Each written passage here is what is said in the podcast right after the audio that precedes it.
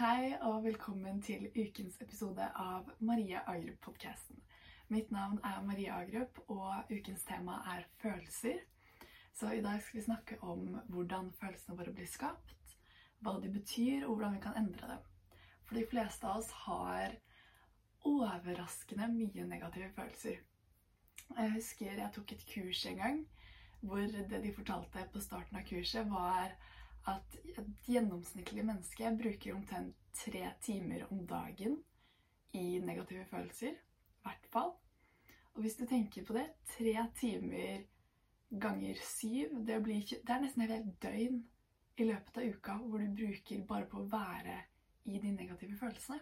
Og det som er litt skummelt med det at vi bruker så mye tid på negative følelser, er jo fordi negative følelser Det her skal jeg snakke mye mer om senere i podkasten altså senere i denne episoden, og det er hvordan følelsene våre påvirker direkte hvordan valg vi tar. Så det vil si at hvis du er i sinne, altså du er sur, så vil du ta et helt annet valg ut ifra den samme situasjonen enn om du hadde vært i frustrasjon, f.eks.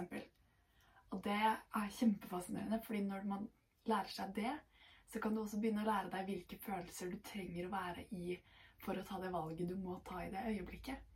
Og reklame for eksempel, bruker jo dette mot oss hele tiden. Fordi de putter oss i den følelsen som er mest sannsynlig at vi skal kjøpe produktet deres fra. Så bare en liten intro. Og grunnen til at det er så viktig å forstå følelsene dine Fordi altså Hvis du tar et sekund nå bare til å tenke over alle de negative følelsene du har Når var siste gang du hadde en negativ følelse? Bare paus akkurat her, akkurat nå. Lukk øynene hvis du er um, et sted hvor det er mulig, og bare se tilbake på sist gang du hadde en negativ følelse. Var det i dag? Var det i går? Var det for et par minutter siden? Kanskje det er akkurat nå? For de fleste av oss så er det overraskende ofte. Og jeg kjenner meg igjen i det. Når ting skjer, når man har en opplevelse, når livet bare er livet, så får man automatisk negative følelser. Fordi så lenge du ikke vet hvordan du skal velge følelsene dine selv, så havner man jo automatisk i de følelsene som dukker opp basert på hva livet sender på oss. Og da har man triggers overalt. Det kan være at en forelder sier noe feil. Det kan være at du våkner og du åpner kjøleskapet, og så ser du etter mat, og så er det ikke riktig mat der. Det kan være den oppdagelsen at du må på jobb i dag, eller du må på skolen i dag. Det kan være at du sjekker telefonen de første minuttene om morgenen, og du ser at du har fått en melding som du kanskje ikke liker. Det er så mye ting i løpet av en dag som kan trigge negative følelser. Hvis du ser på livet ditt akkurat nå, hvis du ser på en normal dag for deg, bare tenker over hvor mange ganger i løpet av en dag er det negative følelser blitt trigget til deg? Hvor mange ganger i løpet av en dag er det negative følelser blitt trigget til deg? Er det én gang, to ganger, ti ganger, 15, 20? For de fleste av oss er det ganske mange ganger. Så det som skjer da, er at vi blir på en måte en slave til følelsene våre. Fordi livet sender bare på oss følelser uten at vi har noe kontroll over hvilke følelser vi føler når. Og det kan være at du er i en situasjon hvor noen sa noe feil. Åh, den følelsen når du er i en situasjon og noen har sagt noe, og du føler liksom tårene presse på, du føler hjertet ditt synke, du føler at det gjør nesten vondt på innsiden av kroppen, og du har bare lyst til å gråte, men så må du være sterk i den situasjonen, for du vil ikke virke svak. Så du på en måte, du holder tårene tilbake, og det bare Det gjør så vondt å ha negative følelser eller sinne. Følelsen av sinne når noen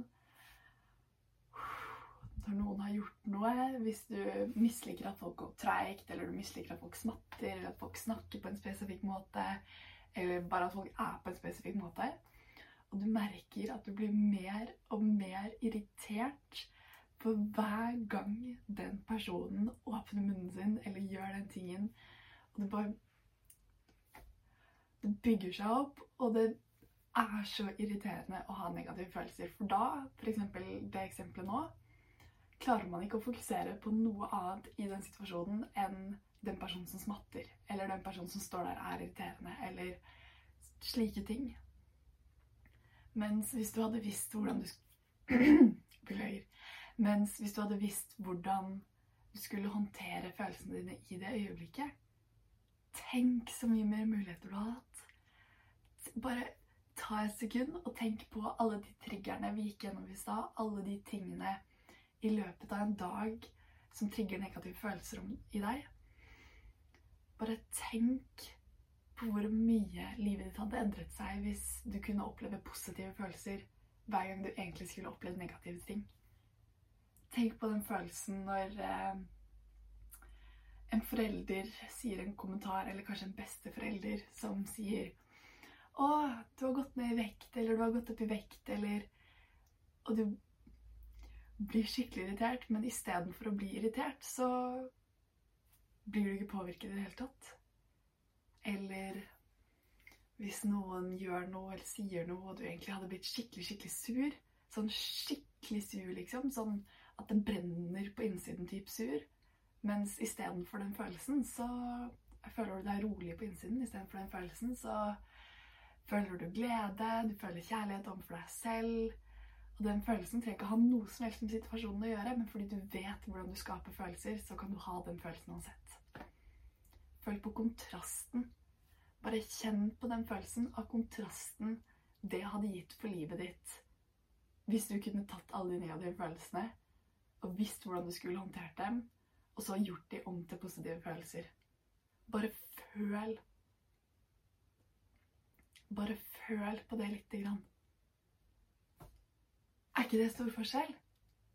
Altså, herregud, det er jo nesten mind-blowing hvor mye power det er i følelsene våre. Fordi se på kvaliteten av livet hvis du har bare negative følelser versus du bare har positive følelser.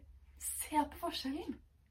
Altså, herregud, og for noen av dere så er dere fortsatt i det stadiet hvor dere bare har negative følelser, eller mesteparten, majoriteten av følelsene deres er negative og dere har de tre timene i løpet av dagen som dere kanskje ikke er klar over hvor dere er i de negative følelsene. Bare tenk! Altså, tenk så stor forskjell det kunne hatt for livet ditt hvis du kunne gått ut av de negative følelsene og gjort om de tre timene med negative følelser til tre timer med skikkelig positive følelser. Og det er mulig. Det er mulig fordi jeg har gjort det selv. Så jeg kan ikke gjøre det for deg. Jeg kan ikke dra deg ut dit og putte deg i den andre situasjonen. Men jeg kan forklare deg hvordan jeg gjorde det med meg selv. Jeg kan forklare deg akkurat hvordan jeg har gjort det, hvordan jeg fortsetter å gjøre det. Fordi jeg gjør dette hver dag. Og jeg skal fortelle dere noe om min historie, og hvordan det var for meg når jeg levde i den tilstanden hvor det var negative følelser. Og det var mye negative følelser. Og jeg husker Jeg har jo hatt angst når jeg gikk i sjette klasse som et resultat av eh, traumer med, med min mor. Fordi mamma er jo bipolar. Som vil si at når hun blir syk Hun blir syk én gang i året, sånn cirka. Er, da er hun syk fra alt fra én måned til tre måneder, avhengig av når sykehuset ser at de har lov til å tvangsinnlegge henne, for hun vet ikke at hun er syk selv. Så da når hun blir syk, så må sykehuset vente til hun blir syk nok til at hun er en fare for seg selv eller andre for å kunne tvangsinnlegge henne. Og det, det systemet kan jeg snakke mye om i en annen podkast, men akkurat nå snakker vi om følelsene mine relatert til det. Og da fikk jeg angst i sjette klasse fordi det var Angst er en fryktfølelse, for meg i hvert fall, som kommer når man ikke har noe trygghet. Fordi frykt er jo et signal som sier at du er i livsfare. Du er i livsfare akkurat nå. Det er den følelsen man får fordi når man ikke har noe trygghet, fordi du vet ikke Altså, jeg vet ikke når mamma kommer til å bli syk, jeg vet ikke når mamma kommer til å bli frisk. Så den tryggheten i situasjonen, altså den overbevisningen, den certainty-følelsen, har jo da blitt tatt ut. Så da jeg hadde angst i sjette klasse, så hadde det vært en build-up av alle de følelsene som bare sa at OK, Nå, nå må vi håndtere dette. Og etter det så fant jeg ut hvor viktig det var å håndtere, håndtere følelsene mine. Det var da jeg begynte å lære meg teknikker, for jeg gikk jo til psykolog som forklarte hvordan man håndterer det, hva det betyr osv. Og, og det var min begynnelse da, på å lære meg å håndtere følelsene mine. Fordi den følelsen når du så desperat ikke vil ha en følelse, men du hver dag hver kveld uten at du kan gjøre noe med det, kjenner at den følelsen kommer. Du kjenner Altså, jeg kjente den følelsen, og jeg Hver kveld så kom den følelsen. Den følelsen av at du er ikke trygg. Den følelsen av smerte. Den følelsen at det gjør vondt. Den følelsen av at man nærmest føler at du kommer til å dø den følelsen når du våkner om natta og du, har et panikkanfall, liksom. Du bare gråter og gråter og gråter. og Det er som om du er i et mørkt tomrom, og du vet ikke engang hvor den følelsen kommer fra. Men du bare kjenner Kjenner på den smerten. Når jeg tenker på det nå Den følelsen lovte jeg meg selv at den skal jeg aldri kjenne på igjen. Den maktesløsheten av å være fanget i en følelse og et mønster og liksom et svart hull da, som du ikke kommer deg ut av. Det øyeblikket så lovte jeg meg selv at det skulle ikke skje igjen. Fordi sånn fortjener ikke jeg å ha det. Jeg fortjener bedre følelser. Jeg fortjener og føle meg trygg og føle meg elsket og føle meg Rett og slett å føle at jeg ikke trenger noe eller noen for å ha positive følelser. At de kan jeg skape når som helst. Og når du får den måte, makten, da, eller når du får den tryggheten, da da kan du få til hva som helst. For da vet du at uansett hva som skjer, så har jeg muligheten til å endre følelsene mine. Og det var ikke egentlig før et par år etter jeg hadde angst, at jeg virkelig begynte å lære meg dette. Men den påvirkningen det har hatt på livet mitt, den er så stor. Jeg husker Jeg har mange sånne øyeblikk vi har vært fanget i følelser. Det er f.eks. Eh, forelskelsesfølelsen. Men ikke den ordentlige forelskelsesfølelsen, men den følelsen når du føler at du trenger en person for å føle deg bra. Det er en følelse som er lett å bli fanget i. Den følelsen av at man trenger approval, eller noe jeg husker også veldig mye som jeg har gjort i mitt eget liv da jeg var et par år yngre. Ganske mange år yngre. Det var like etter jeg hadde angst. Hver gang jeg ble sur, hver gang jeg ble irritert, hver gang jeg følte meg såret, istedenfor Istedenfor å ta det opp med personen det gjaldt, så Jeg husker dette så godt. Så pleide jeg å gå inn på badet, og så skru på vasken eller høy musikk eller et eller annet, eller sette meg i dusjen og bare gråte. Når du føler du føler den smerten, du føler den utryggheten, den følelsen av så mange ting som man nærmest ikke har lyst til å kjenne på. Og så har man ikke lyst til å være sårbar. Du har ikke lyst til å si til noen at du har disse følelsene, fordi da er man svak, eller det har man ikke retten til, eller sånn. Så satte jeg på badet og så bare satte jeg meg ned på gulvet, og så bare gråt jeg. Eller så Hvis jeg var sur, så gråt jeg ikke. Da satt jeg, og så gravde jeg meg ned i den surhetsfølelsen. Sånn som den, det tankespinnet som du kan gå i når du er sur. Og liksom det er dems feil, og de gjorde sånn, og jeg kan ikke tro den personen gjorde det. Og du bare graver deg mer og mer ned i den følelsen, og du kjenner at det liksom ah, Du blir så sur og irritert. Og nå når jeg ser tilbake på dette, når jeg kjenner på de følelsene her igjen, så tenker jeg bare på Herregud, så mye tid som jeg nærmest kastet bort på å ha de følelsene. Så mye tid av livet mitt som jeg har brukt på å være i situasjoner og følelser og usikkerheter som jeg rett og slett kunne unngått hvis jeg hadde lært disse tingene her litt tidligere. Og det er derfor jeg syns det er så viktig å lære det til deg. Og nå kontrasten nå For jeg har jo brukt lang tid på å finne de rette metodene og sånn. Mens nå Altså, herregud. Jeg snakka med en venn av meg på telefonen her om dagen som fortalte litt om seg selv og en følelse som vedkommende hadde hatt. Og så tenkte jeg over det, og så gikk det opp for meg at den følelsen Jeg sa ikke det, da. Men den Eller jo, jeg tror kanskje jeg sa det faktisk.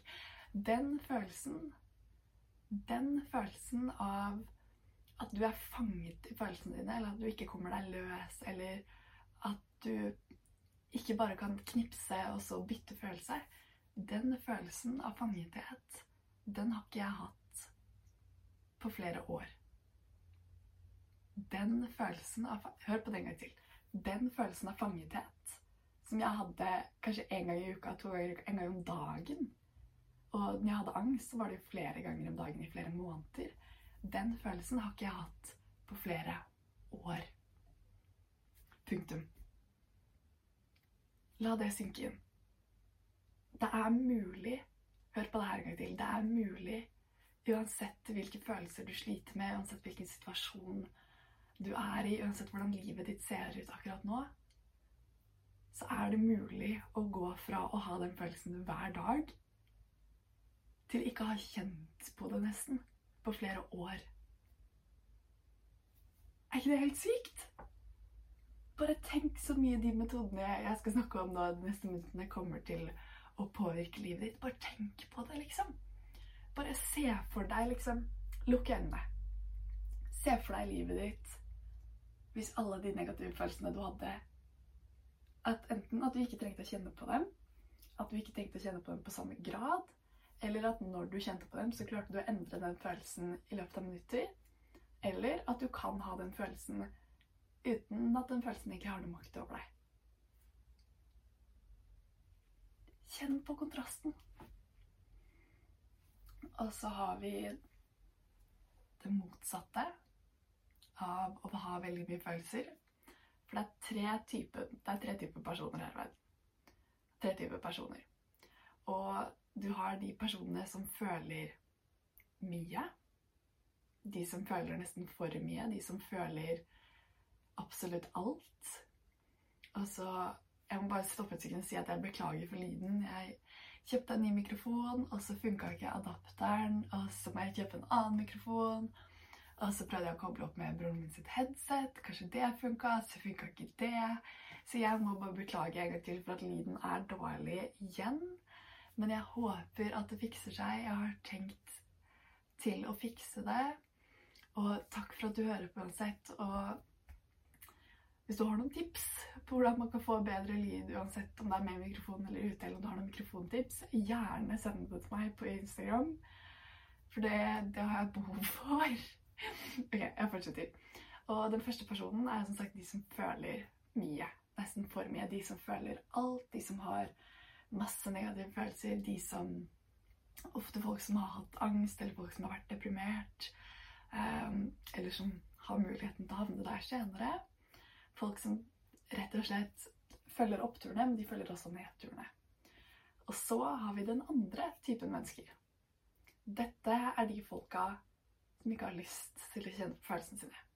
Dette er de folka som ikke går opp og så rett ned, men de folka som er en rett linje. De folka som har skrudd av alle følelsene sine fordi de har ikke lyst til å kjenne på den smerten. Fordi hvis de åpner opp for den gleden, så åpner de også opp for den smerten, og det det gjør vondt, altså. Og jeg har vært begge. For det meste så har jeg gått i den numne tilstanden hvor du bare shut off, liksom.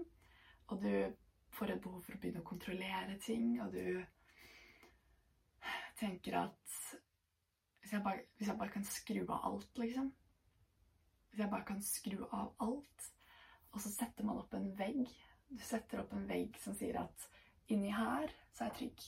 Bak denne veggen så er jeg trygg. Og du setter opp beskyttelse, og man setter opp et lag rundt seg for å stenge alle de følelsene og alle de traumene og alle de tingene man ikke vil føle på ute.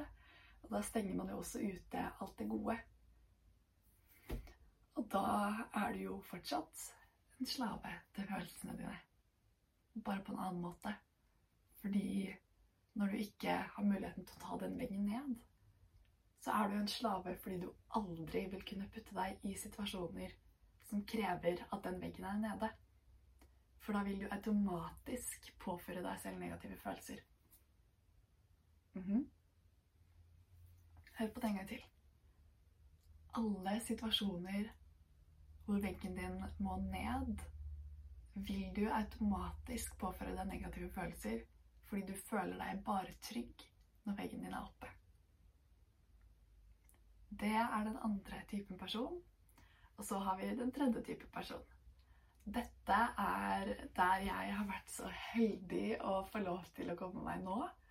Og det er når du har muligheten til å oppleve følelsene dine uten å være en slave til dem.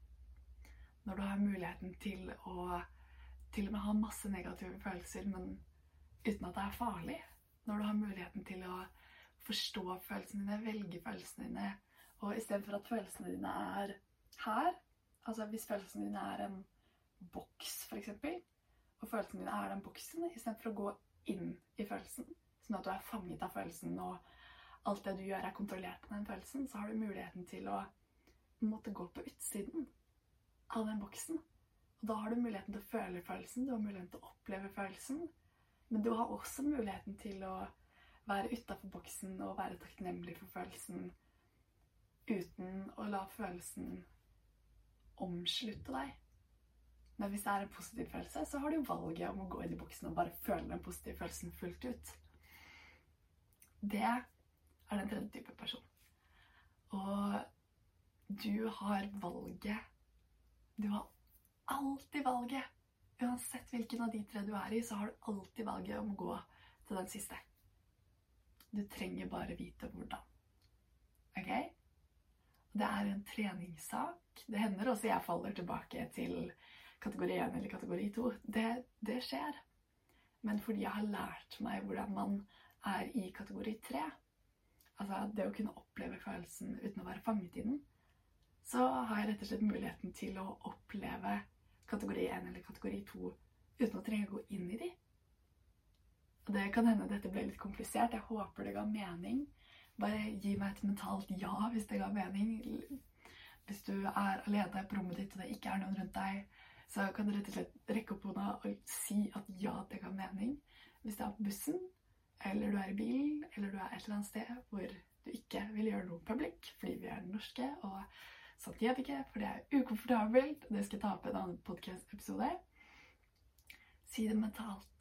Det er så viktig å være engasjert. Det er så viktig å vise seg selv at det er interessant. For når du viser hjernen din at det er interessant ved å aktivt delta, så vil også hjernen din få mer ut av det.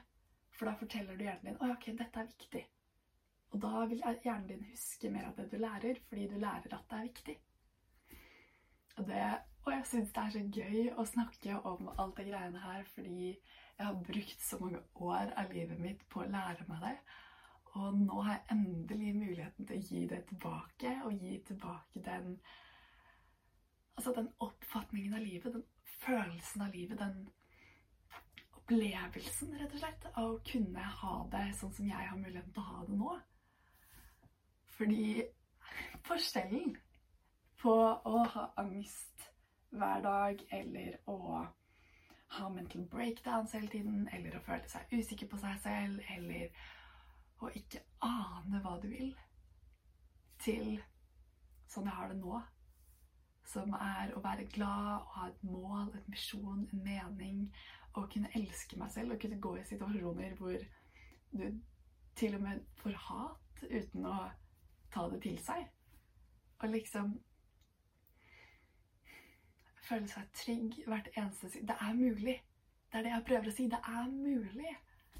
Og du trenger ikke leve noe sånn full on lifestyle hvor du mediterer 13 ganger om dagen og går i en sånn voodoo mindset, selvutviklings At det blir personligheten din, liksom. Du trenger ikke det.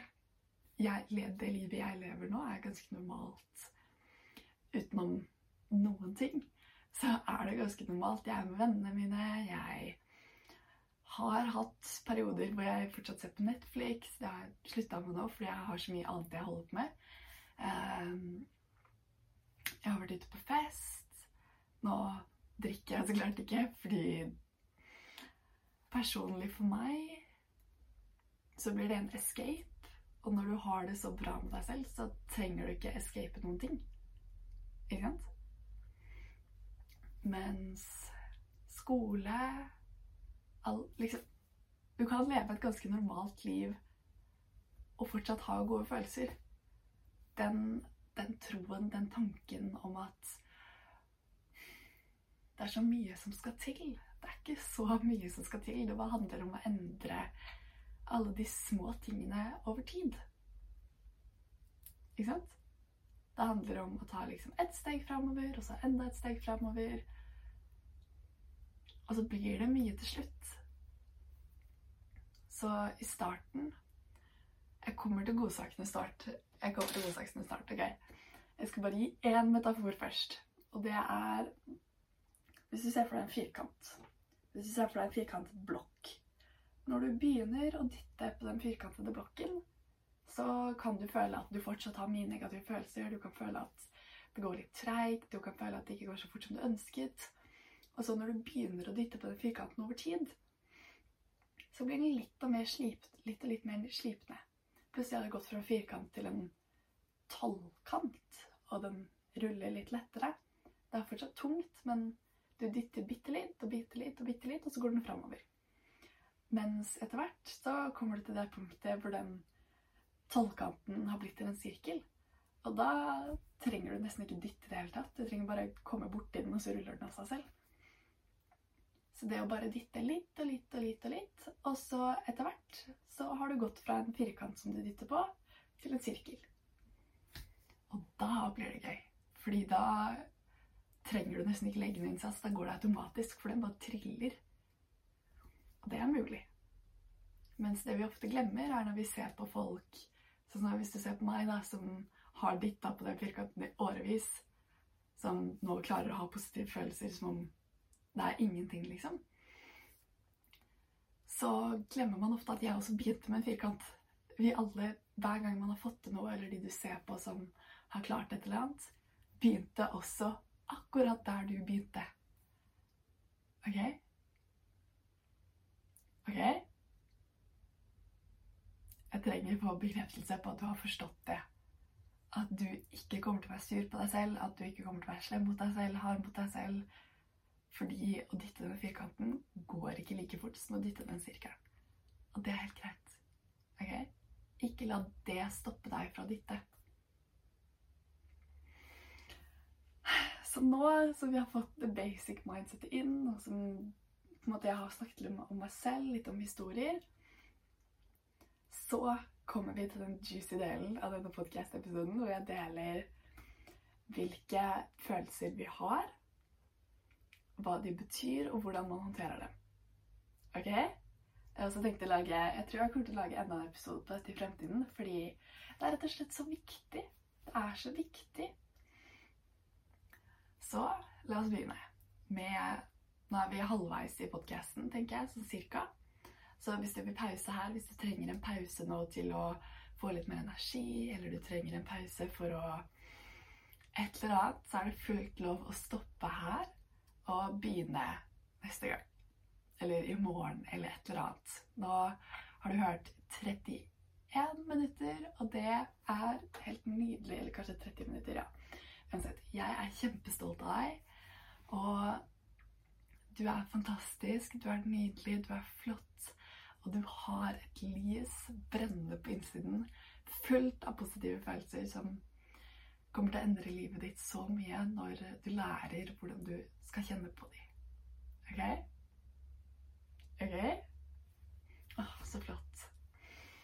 Så bare gi deg, uansett om du avslutter nå om et par minutter, eller om du blir med på resten av episoden, eller om du kommer tilbake senere.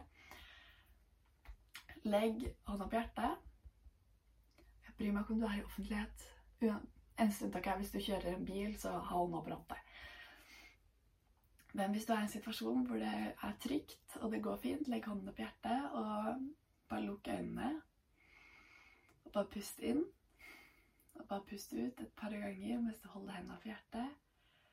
Og tenk på hvor utrolig fantastisk du er. OK? Bare pust med meg lite grann. Jeg vet at det er teit. Jeg vet at det er unormalt. Jeg vet at dette er sånne ting man ikke gjør, men gjør det uansett, OK?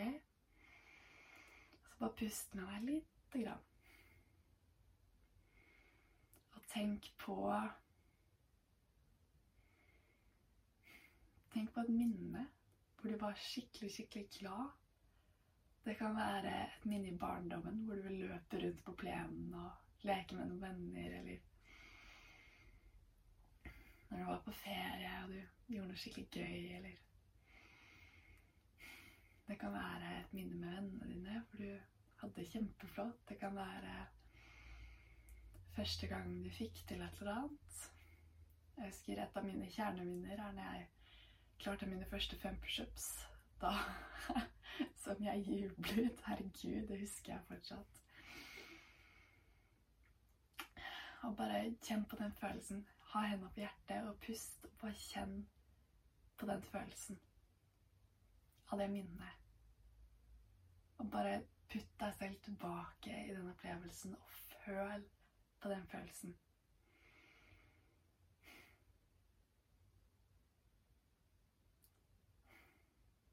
OK? Åpne øynene dine hvis du hadde det lukket. Og nå kan du ta vekk hendene, eller du kan la de være der hvis det var behagelig. Og kjenn på den følelsen du har i kroppen akkurat nå. Den følelsen når du puster og hjernen letter. Den følelsen når du kjenner på det minnet, og du får den samme gleden og følelsen som det du hadde der. Dette er en øvelsessak. Hvis du ikke kjente så mye av den følelsen, eller du ikke fant det rette minnet, så går det helt fint, for det er en muskel det å gjøre det vi akkurat gjorde, er en muskel som man kan trene. Men hvis du fikk det til lite grann, så vil jeg at det skal gå opp for deg hvor enkelt det var.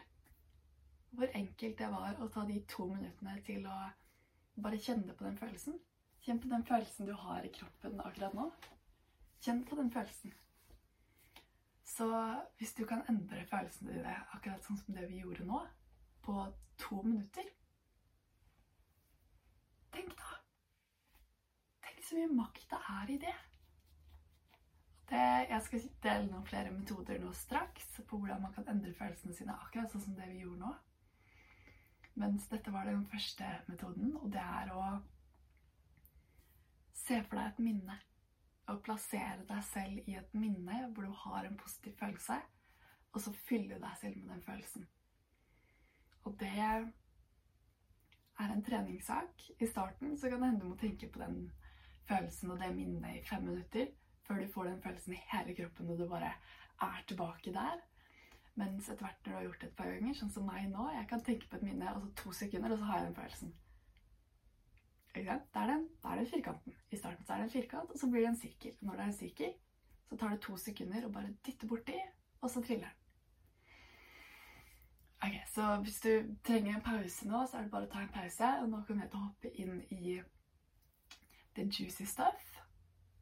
Ok, er du klar? Er du klar? Ok, nå begynner vi. Det er to måter å håndtere følelser Eller først kan vi ta hva er egentlig en følelse. Nå har jeg snakka mye om følelser, men hva er egentlig en følelse? Tenk over det. Hva er en følelse? en følelse er bare et signal basert på hva enn som akkurat har skjedd. Den følelsen du har i dette øyeblikket, er et resultat av det du gjorde i det forrige øyeblikket. That's it. Det er en følelse. Følelsen vår er rett og slett bare et signal som sier at 'dette har du opplevd'. Ikke sant? Og det er ikke nødvendigvis 100% basert på situasjonen, men det er basert på din oppfatning av situasjonen. Så situasjon, oppfatning, følelse. Ok? Så hvis du har en situasjon, og du klarer å endre oppfatningen din av situasjonen, så vil du ha en annen følelse enn om du har den samme oppfatningen du alltid har hatt. Det kan være hvis noen kjefter på deg, og oppfatningen din er 'denne personen liker meg ikke', så vil følelsen du føler, være usikkerhet. Eller den synkende følelsen på innsiden når du ikke føler deg god nok. Mens hvis det er samme situasjon, og oppfatningen din nå er Oi, herregud, stakkars, denne personen har det skikkelig vondt akkurat nå. Så kan det hende følelsen du får, er medfølelse eller kjærlighet. Så hendelse pluss oppfatning og fokus, hva vi velger å fokusere på situasjonen, det er det som gir oss følelsen vår. Ga det mening? Ok, strålende. Og det vil si at de negative følelsene dine også er basert på en oppfatning eller en overbevisning som du får basert på en hendelse. Ikke sant? Og det finnes grupper for hvilke typer oppfatninger som gir hvilke typer følelser. Det var, det var, litt komplisert. Jeg skal si det på en annen måte. Når visse ting skjer, så vil du føle visse følelser. Når andre ting skjer, så vil du føle andre følelser. Og alle følelser har en spesifikk type hendelse som må skje for at du skal føle den følelsen. Ok? Og basert på hvilken følelse du får, så kan du også skjønne hvilken oppfatning du har, eller hvilken hendelse som nå har skjedd. Og basert på det så vet du hva du må gjøre for å ikke ha den følelsen lenger. Ok? Så nå skal jeg gå inn på de spesifikke følelsene, hva de spesifikke følelsene betyr. Tenk på det, da. Tenk hvis du får en følelse av sinne eller en følelse av hurt, den følelsen at du er lei deg, og du vet med en gang at ok, det betyr at nå har dette skjedd. Da skal jeg gjøre sånn. Det er makten av det jeg skal lære deg nå. Og dette er en liten sånn Er det disclaimer det heter? Først, dette, dette her lærte jeg av Tony Robins.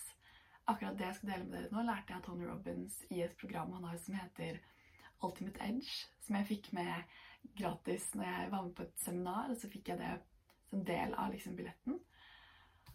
Og etter jeg lærte det, endret livet mitt totalt. Så hvis du vil lære det direkte fra kilden, så putter jeg bare en link til det programmet og Tony Robins og alt det der nede i Nede, faktisk. Nede i beskrivelsen. Men herregud, så mye power det var i å lære det. Herregud, altså. Nå begynner vi. Den første følelsen Først skal jeg bare gå gjennom hva de forskjellige følelsene er. Vi begynner med negative følelser fordi tror Jeg tror kanskje det er litt mer interessant å høre om hva de negative følelsene betyr, enn hva de positive følelsene betyr. Fordi når man har en positiv følelse, så vil man ha den positive følelsen. Ikke sant? Er du klar? Er du klar? Har du lyst til å høre hva som kommer? Ok, supert. Da begynner vi. Ok. Så de ti kategoriene med følelser er ukomfortabel. Det vil si at du ikke har noe sånn major, major følelse men du bare er rett og slett ukomfortabel. Den neste følelsen er frykt. Det vil si at du har en usikkerhet eller en form for uncertainty på innsiden. At du ikke vet hva som skal skje. At du rett og slett føler du må i overlevelsesmodus. Det neste er å være såret. Nå, Jeg ville funnet penn og papir og skrevet ned dette. Eventuelt notat på telefonen om du ikke har det tilgjengelig. Skriv det ned. For dette er viktige saker. Dette er viktige greier. Dette er sånn life-changing kunnskap. Det neste er sinne, eller surhet. Rett og slett at du Alt som går under kategorien sunne, sinne eller fru... Alt som går under kategorien sinne eller surhet. Altså, det kan være rage, det kan være at du er pissed off, det kan være at du er Altså alt som grunner den kategorien sinne eller surhet. Så har vi den neste, som er frustrasjon. Alle følelser som kan være frustrert, irritert, småirritert, alt det greiene her. Frustrasjon. Så har vi det neste, som er skuffet. Disappointment. Den følelsen at du bare synker hjertet. Du bare blir skuffa. Så har vi den neste følelsen, som er skyldfølelse. Det er den følelsen når du Det er skyldfølelse, skam Den følelsen at du angrer på noe. Den følelsen at 'shit, nå sa jeg noe jeg ikke burde ha sagt'. Så er det neste følelse, som er inadequate. Det vil si at du ikke er bra nok, eller at du på en måte ikke føler at du helt strekker til. At du ikke når opp til standarden, eller at du ikke har levert bra nok, eller at du rett og slett føler at du ikke passer inn der du skal passe inn. Neste er overload. Det vil si at du føler at du har for mye som skjer. Du føler at du har masse følelser, masse ting som pågår. Det kan være at Rett og slett Det kan være depresjon, f.eks. Kan være en form for overload hvor du har det er bare så mye, du vet ikke engang hvor du skal begynne. Det er overload. Og den siste er ensomhet. Ensomhet. Ok, let's get into it. Hva er det disse følelsene egentlig betyr? Først skal jeg forklare at når du har en følelse, så kan du enten endre mindsettet eller metoden. Ok? Så du kan enten endre oppfatningen din av følelsen, eller hvordan du håndterer følelsen. Og ofte Jeg pleier å endre begge. Så det vil si at um, sinne, da, hvis noen er sur på deg Jeg skal gå mer inn på dette. Det betyr at noen har brutt en av dine regler. Da kan du enten endre metoden din, altså at du kan snakke med den som brøt regelen din, og si at du brøt en regel. Eller du kan endre mindsetet ditt. Altså å endre regelen og si er dette egentlig en riktig regel av meg å ha? Gir det mening at jeg har den? Og så kan du endre regelen. Når du føler deg ukomfortabel, som var den første følelsen, så er det bare at du er i feil tilstand. Det er en følelse du får når du ikke har valgt bevisst hvilken tilstand du skal være i. Da blir man ukomfortabel. Så det du må gjøre da, er at du rett og slett må bare endre tilstanden din. Det kan du gjøre ved å enten endre hva du fokuserer på, endre hvordan du bruker språket ditt, eller endre hvordan du bruker kroppen din. Da endrer man tilstand. Så hvis du er ukomfortabel, så kan en løsning være å reise seg opp og hoppe, f.eks. Det er kjempeteit, det er kjempeteit, men det funker. Det kan være å fokusere på noe annet. Det kan være å endre synet ditt på situasjonen. Det kan være å si noe høyt til deg selv. Bare kom deg ut av den følelsen så fort som mulig. Ved å endre tilstand. Ok? Det er ukomfortabelt. Det neste er frykt. Frykt er en følelse som sier at 'jeg er ikke trygg'. Det er en følelse som sier at 'jeg er ikke trygg'. Det er en følelse som sier at akkurat nå så føler jeg at jeg ikke kommer til å overleve. Akkurat nå så er det noe som er skikkelig, skikkelig galt. Og da kan du enten endre synet ditt på situasjonen. Altså er jeg egentlig livsfare? Er det egentlig ille? Og løsningen der, rett og slett, er trust. Det er faith.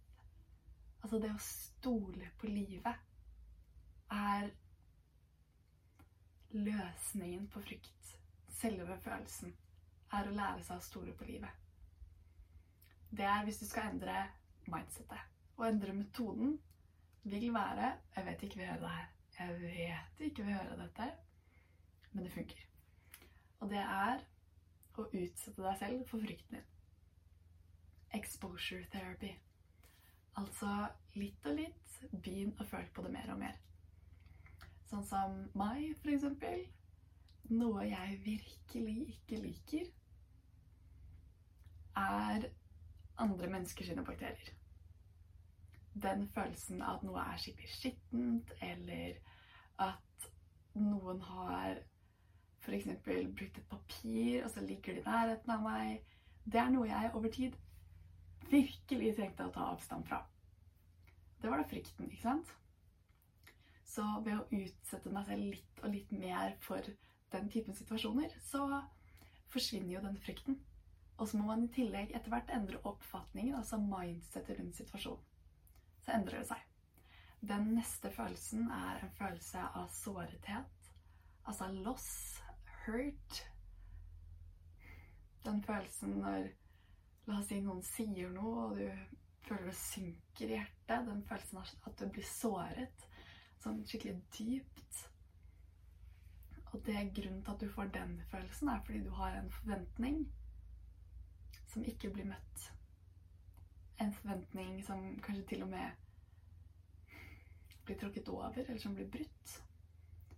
Og det du føler da, er en følelse av tap. Du føler at den forventningen du hadde overfor den personen At den personen ikke møter deg. Du føler at du mister den forventningen. Så det kan være tilliten til en person, f.eks. Du forventer at de skal oppføre seg på en måte. Og når de oppfører seg sånn, så får de tillit. Og så oppfører de seg ikke sånn, og da mister du Du taper tilliten til den personen, og så føler man seg såret. Løsningen da er enten endre mindset eller metode. Så du kan endre da synet ditt på situasjonen. Var det egentlig riktig av meg å ha den forventningen? Er det fair av meg å si at de må gjøre sånn for å få tillit, eller de må oppføre seg sånn? Er det fair av meg å ha den oppfatningen? Har jeg et belief eller en overbevisning som skaper den oppfatningen, som ikke burde vært der? Og metode Visste personen som ikke møtte forventningen din, at du hadde den forventningen? Svaret på det er ofte nei. Så det vil si snakk med personen. Og det Jeg vet vi ikke kommer til å like å høre dette heller. Fordi når man snakker med folk, eller når man er direkte med folk, når man er ærlig med folk, så må man være sårbar. Og da får man frykt. Men husker du hvordan vi håndterte frykt? Exposure. Utsett deg selv for situasjonen. For du kommer til å merke at du overlever. Og det er vanskelig i starten. ikke sant? Du dytter på en firkant. Og det er tungt, og det er skikkelig ukomfortabelt. Men etter du har gjort det et par ganger, så kan du bare gå inn i situasjonen med litt grann frykt, men du gjør det uansett, og det er kjempeenkelt i forhold. Ok? Så for å oppsummere det vi har snakket om så langt, så kan du enten endre mindsetet ditt eller metoden. Den neste følelsen er sinne. Og sinne er kanskje den følelsen i hvert fall mine venner kjenner mest av. Og som jeg også kan innrømme at jeg hadde ganske mye av dette. Og sinne er den følelsen at en av reglene dine har blitt brutt. En av reglene dine har blitt brutt. Det vil si at du har f.eks. oppfatningen da, at venner skal gjøre sånn som dette for å være gode venner. Så har man en liste med regler. Disse vet du ikke at du har, de er ubevisste, men du har de. Du har en liste med regler som sier at foreldre skal oppføre seg sånn, eh, man skal gjøre sånn i slike situasjoner. Hvis noen har gjort sånn, så er det riktig å gjøre dette. Og man har regler. Ok?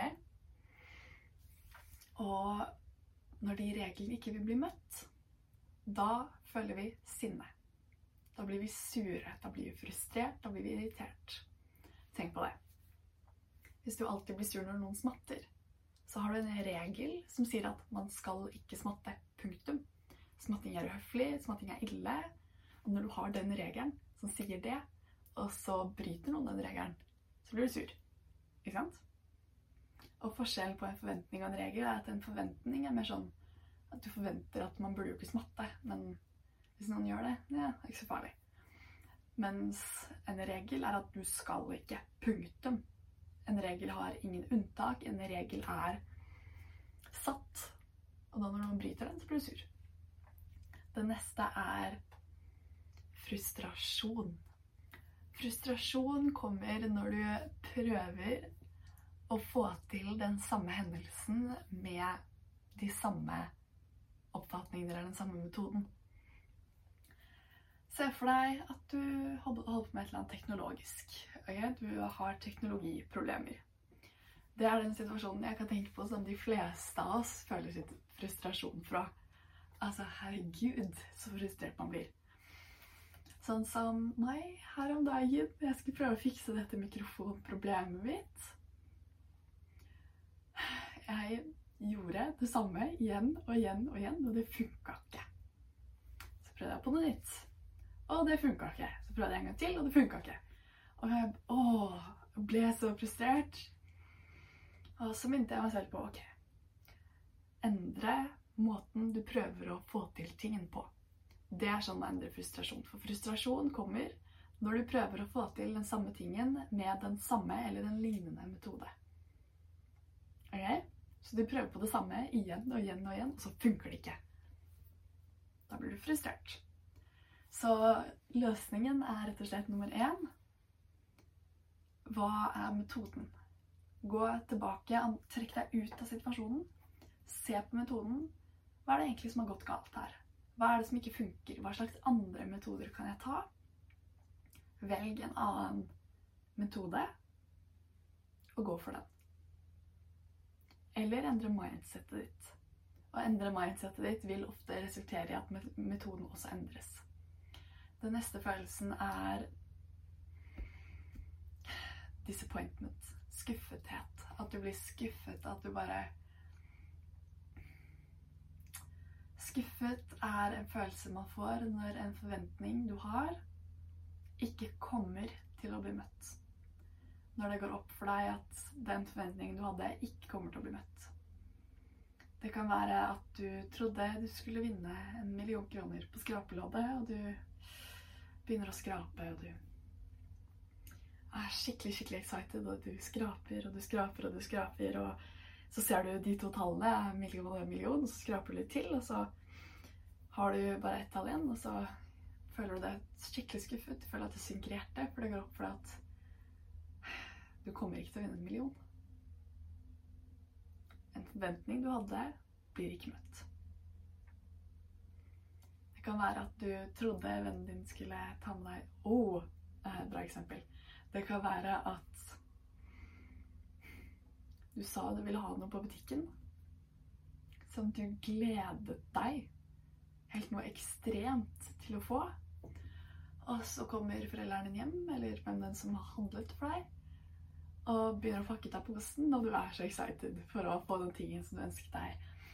Og så ser du i posen, og så går det opp for at den tingen er ikke der. Og da blir du skuffa. Da blir du skuffa. Og hvis du blir sur istedenfor, så er det fordi en, du har en regel der som sier at når jeg sier at jeg vil ha det på butikken, så må jeg få det. Punktum.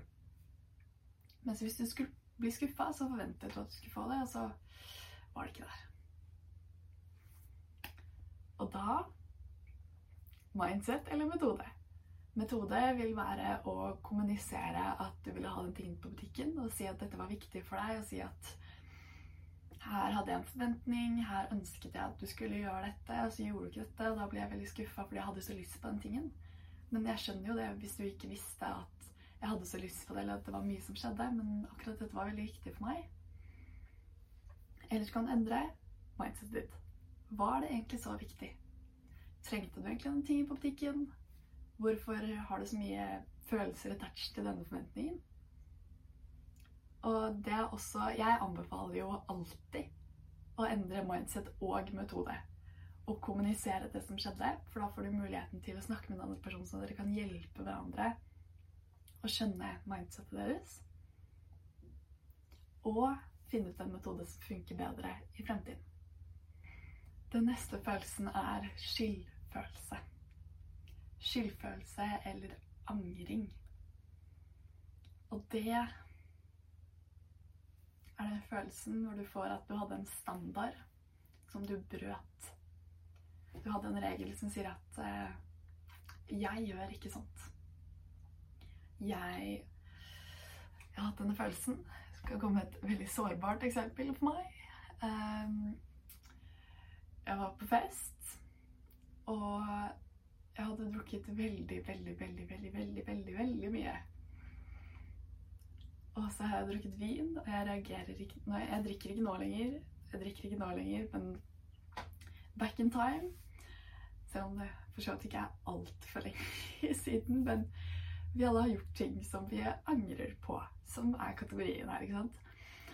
Og så var jeg veldig, veldig, veldig full. Så ble jeg utnyttet litt av eksen til en venninne. Ikke min nærmeste venninne, men det var jo en av mine venner som maste veldig, veldig, veldig mye. Som også var veldig full. Og så endte jeg da opp med, etter å ha sagt nei et par ganger, med å si sånn litt sånn halvveis ja. Og jeg hadde også snakket med vedkommende, altså venninnen min om dette først, men hun var jo så klart også veldig full. Og så endte jeg opp med å hooke lite grann med den eksen. Jeg har aldri følt på skyldfølelse eller skam eller guilt, regret, whatever, like mye som det jeg gjorde i den situasjonen. Å, oh, herregud! Og den følelsen Jeg vet, jeg vet veldig godt at det er sånt man ikke gjør, og jeg kan komme med unnskyldninger, jeg kan skylde på ditt og datt, men det var min feil. Det er mitt ansvar å si nei, selv om vedkommende maste litt så er det fortsatt mitt ansvar å si nei i sånne situasjoner. Og da brøt jeg min egen standard. Fordi min egen standard for meg selv er jo at jeg gjør ikke sånt. Det er ikke meg. Den handlingen er så langt unna meg som det blir. Herregud, jeg bare Å, hva, hva skjedde, liksom? Og den skyldfølelsen kommer fordi du har en standard som du bryter. Det kan være at du ser på porno, f.eks., og du har en standard som egentlig sier at 'nei, dette er ikke bra for meg', men så gjør du det uansett, og så får du skyldfølelse. Det kan være at du det, det kan være at du ser enda en episode med Netflix etter du sa til deg selv. Du satte standarden, sa bare én episode til, og så bryter du den. Da får du skyldfølelse. Og det du må gjøre da, er at du må ta en handling i den situasjonen for å vise til deg selv at du fortsatt opprettholder standarden din. Når du har hoppa ned hit, til et sted som er under standarden din, så må du hoppe tilbake over standarden din og gjøre et eller annet for å vise til deg selv at du mener det. Du er seriøs, du opprettholder den standarden. Eller så må du endre standarden din. Noen ganger så setter vi standarder som er altfor høye for oss, som vi ikke klarer å opprettholde i det hele tatt. Da må vi bare være ærlige og si at nei, dette Dette blir for høyt. Dette er en standard som ikke er meningen at jeg skal opprettholde, som ikke er min å opprettholde. Så må vi ta standarden vår ned igjen og si at nei.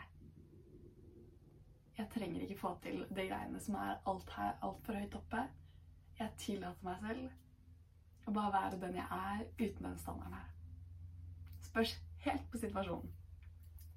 Og etter du har gjort et eller annet for enten ta standarden din ned eller ta deg selv over standarden din igjen, tilgi deg selv for den gangen du gjorde en feil. Tilgi deg selv og la deg selv lære fra det istedenfor. Ok? Jeg håper dette gir mening så langt. Og altså, hvis du har noen tanker, hvis du har noe du vil at jeg skal endre på, eller du har noen andre følelser som du vil at jeg skal ta opp, send meg, bare send meg en melding på Instagram. Bare, altså, jeg, svarer på de. Jeg gjør mitt beste for å svare på alt sammen. Og bare send meg en melding, eller eh, det er sånn spørsmål på Spotify som du kan svare på. Eller så er det et kommentarfelt på YouTube som du også kan skrive spørsmål i. Så gjerne gjør det. Og jeg er kjempeglad i deg og Er du klar for å fortsette? Vi har et par følelser igjen. Ok, De tre følelsene vi har igjen, er at vi ikke føler at du strekker til, altså inadequate, og overveldet. Altså at du har mye ting som skjer, du føler det presset av verden på deg. Og den siste er ensomhet.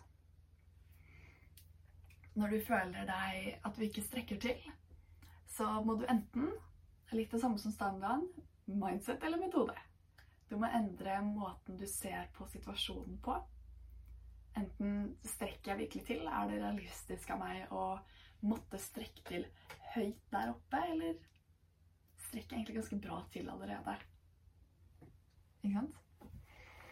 Sånn som hvis du er i en situasjon hvor du er omringet av masse mennesker som er kjempeflinke til et eller annet. Sånn som hvis du havner i en samtale med tre smarte folk, og du føler deg litt som en idiot, og du sitter der og føler at du ikke strekker til i samtalen i det hele tatt, da er det lov å si til seg selv at det, jeg, det er ikke meningen at jeg skal kunne alle de tingene som de folka her kan. Det går fint at jeg ikke kan dette. Eller så må du endre metoden din. Gjøre et eller annet for å bli bedre i det området du ikke føler deg bra nok i. Ok, Nå er vi på den nest siste, og det er overveldet. Når du er overveldet, så har du en svær sky, nesten, med ting du må gjøre, eller ting du må få til, eller en situasjon du er i, og du aner ikke hvor du skal begynne. Her er det nesten bare metoden som gjelder, og det er finne ut hva prioriteringene dine er. Grunnen til at du føler deg overveldet, er fordi du prøver å løse alt på en gang. Eller fordi du ikke vet hva du skal løse.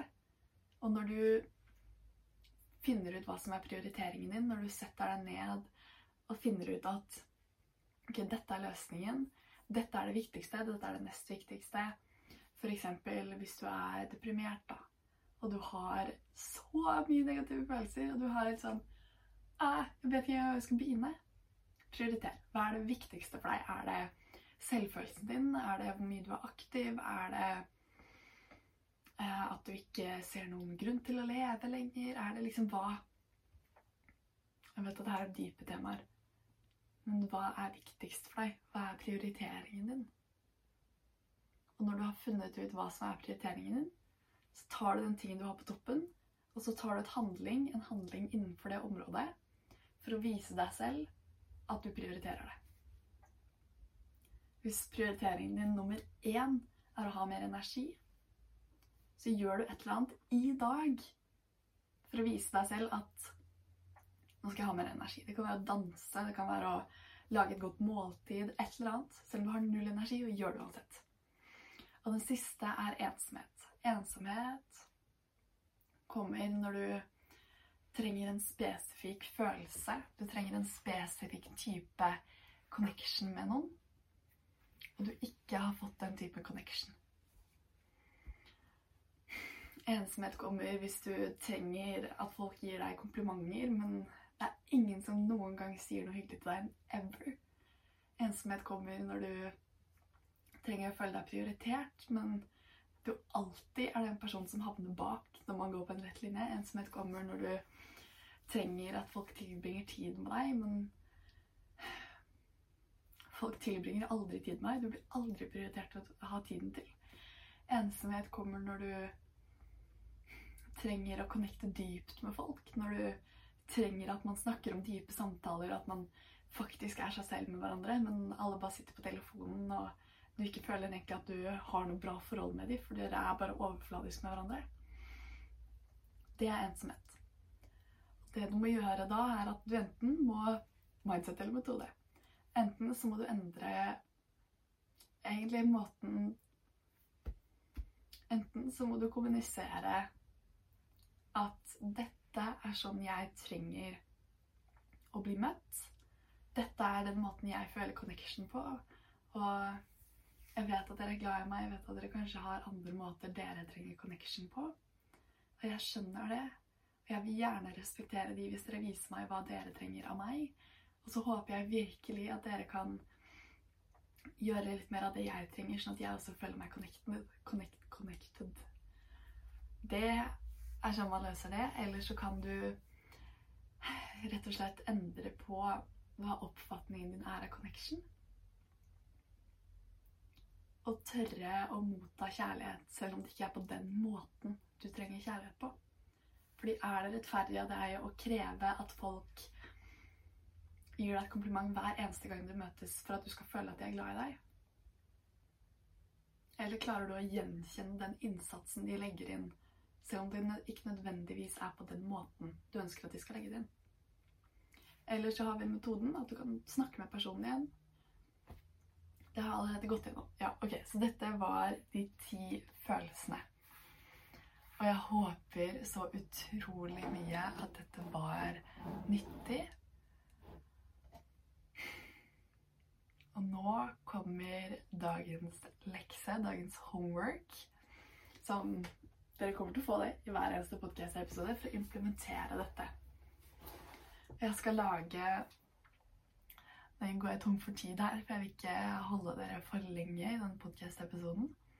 Så i den neste podcast-episoden, enten den neste rett etter dette eller den etter der igjen, så skal jeg snakke om hvordan man føler med positive følelser. Dette er hvordan du håndterer de negative følelsene dine. Jeg skal også lage en som kommer i neste eller den etter det, om hvordan du skaper positive følelser uavhengig av hva du føler i øyeblikket. Så leksen i dag er å skrive ned hvilken følelse er det jeg føler mest av? Hvilken følelse er det jeg føler mest av? Og så se på beskrivelsen av den følelsen hvis du føler mest sinne, f.eks. Og det glemte jeg å si. Sinne kan også være at du har mye sårhethet som er bygget opp. Ja, ok. Så hvis du føler sinne, og du føler mest av den følelsen, se på reglene dine. Gir det mening, basert på at sinne er at noen bryter reglene mine, at jeg har så mye sinne? Fordi hvis du har mye sinne, så er det ofte fordi du også har mye regler. Du har regler overalt. Du har regler everywhere. Og da vil jeg si at nesten uansett hva folk gjør, så kommer de til å bryte noen av reglene dine, for du har så mange regler. Da kan enten endre mindsetet ditt. Er det riktig av meg å ha disse reglene? Gir det mening? Er dette sånn jeg vil ha alle reglene mine? Eller du kan endre metoden din. Har jeg vært flink nok til å kommunisere reglene mine til de rundt meg? Og så kommer handlingen. Du skal få to handlinger. Handling nummer én skriv det ned. Hvis du ikke har skrevet ned noe av det jeg har sagt i dag, så må du nesten høre på denne episoden på nytt og ta notater. Fordi du trenger notater. Å ta notater er sånn hjernen vår lærer ting. Og du lærer jeg husker ikke om det var hvor mye prosent det var, sikkert sånn 40% mer når du tar notater. Så ta notater. Kjempeviktig. Så handling nummer én er å gjøre et eller annet basert på de to tingene du skrev ned. Enten om det var mindsettet basert på den følelsen, eller om det var metoden. Å gjøre et eller annet for å endre mindsettet eller for å utføre metoden. Og handling nummer to er at i de neste 24 til 48 timene Skriv ned akkurat nå 24 eller 48 timer. Du velger. Ok, bra. Så skal du hver gang du får en negativ følelse Se på lista over negative følelser og endre på den. Og enten endre mindset eller metode over de neste 24 timene. Og da vil jeg at du skal gjøre det. Og minn deg selv på at når det blir vanskelig, at eneste måten å få firkanten til å bli en sirkel, er å dytte firkanten selv om det er litt tungt. Ok? Å, jeg, er så, jeg er så glad at du har hørt altså Tenk da du har hørt hele episoden min. Du har hørt hele veien hit, og det commitmentet deg. Det er to typer folk her i verden. Nei, tre typer folk her i verden. Det er de som hører ett minutt, de som hører starten, og så finner ut at nei, dette skjer ikke. Det er de som hører ganske langt inn, og så klarer de ikke å følge med, de klarer ikke å holde fokus, et eller annet sånt, og så stopper de. Og så er det de, og så er det den siste, og det er deg. Det er de som hører hele veien. Enten om de må ta seg en pause og så komme tilbake, men de som fullfører det de begynte på. Og for det så vil jeg bare si at altså, herregud, så stolt jeg er av deg. Altså, herregud! Du er fantastisk, du er strålende, du er amazing. Så håper jeg så inderlig at jeg har klart å fikse en mikrofon til den neste episoden. Ja, jeg håper det. Gjør leksa, og vær så snill og skriv til meg enten på det spørsmålet som er på Spotify, bare svar på det, eller i kommentarfeltet på YouTube, eller send meg en DM på Instagram og si hvordan det gikk. Hvordan den leksa her gikk. OK? Jeg er glad i deg. Jeg er så takknemlig for deg. Du er strålende. Du kan få til absolutt alt i hele verden. Jeg håper du har en strålende, en fantastisk, en nydelig resten av dagen din. Du har nå hørt andre episoden av Marie Agro-podkasten, der temaet var å forstå egne følelser. Og vi snakket om negative følelser og hva de betyr. I neste episoden så tar vi det ett steg dypere, og da skal vi snakke om hvordan man velger egne følelser. Altså hvordan man skaper positive følelser, hvordan man endrer tilstand, og hvordan man rett og slett legger opp til positive følelser. Mitt navn er Maria Agrup, og dette var Maria Agrup-podkasten.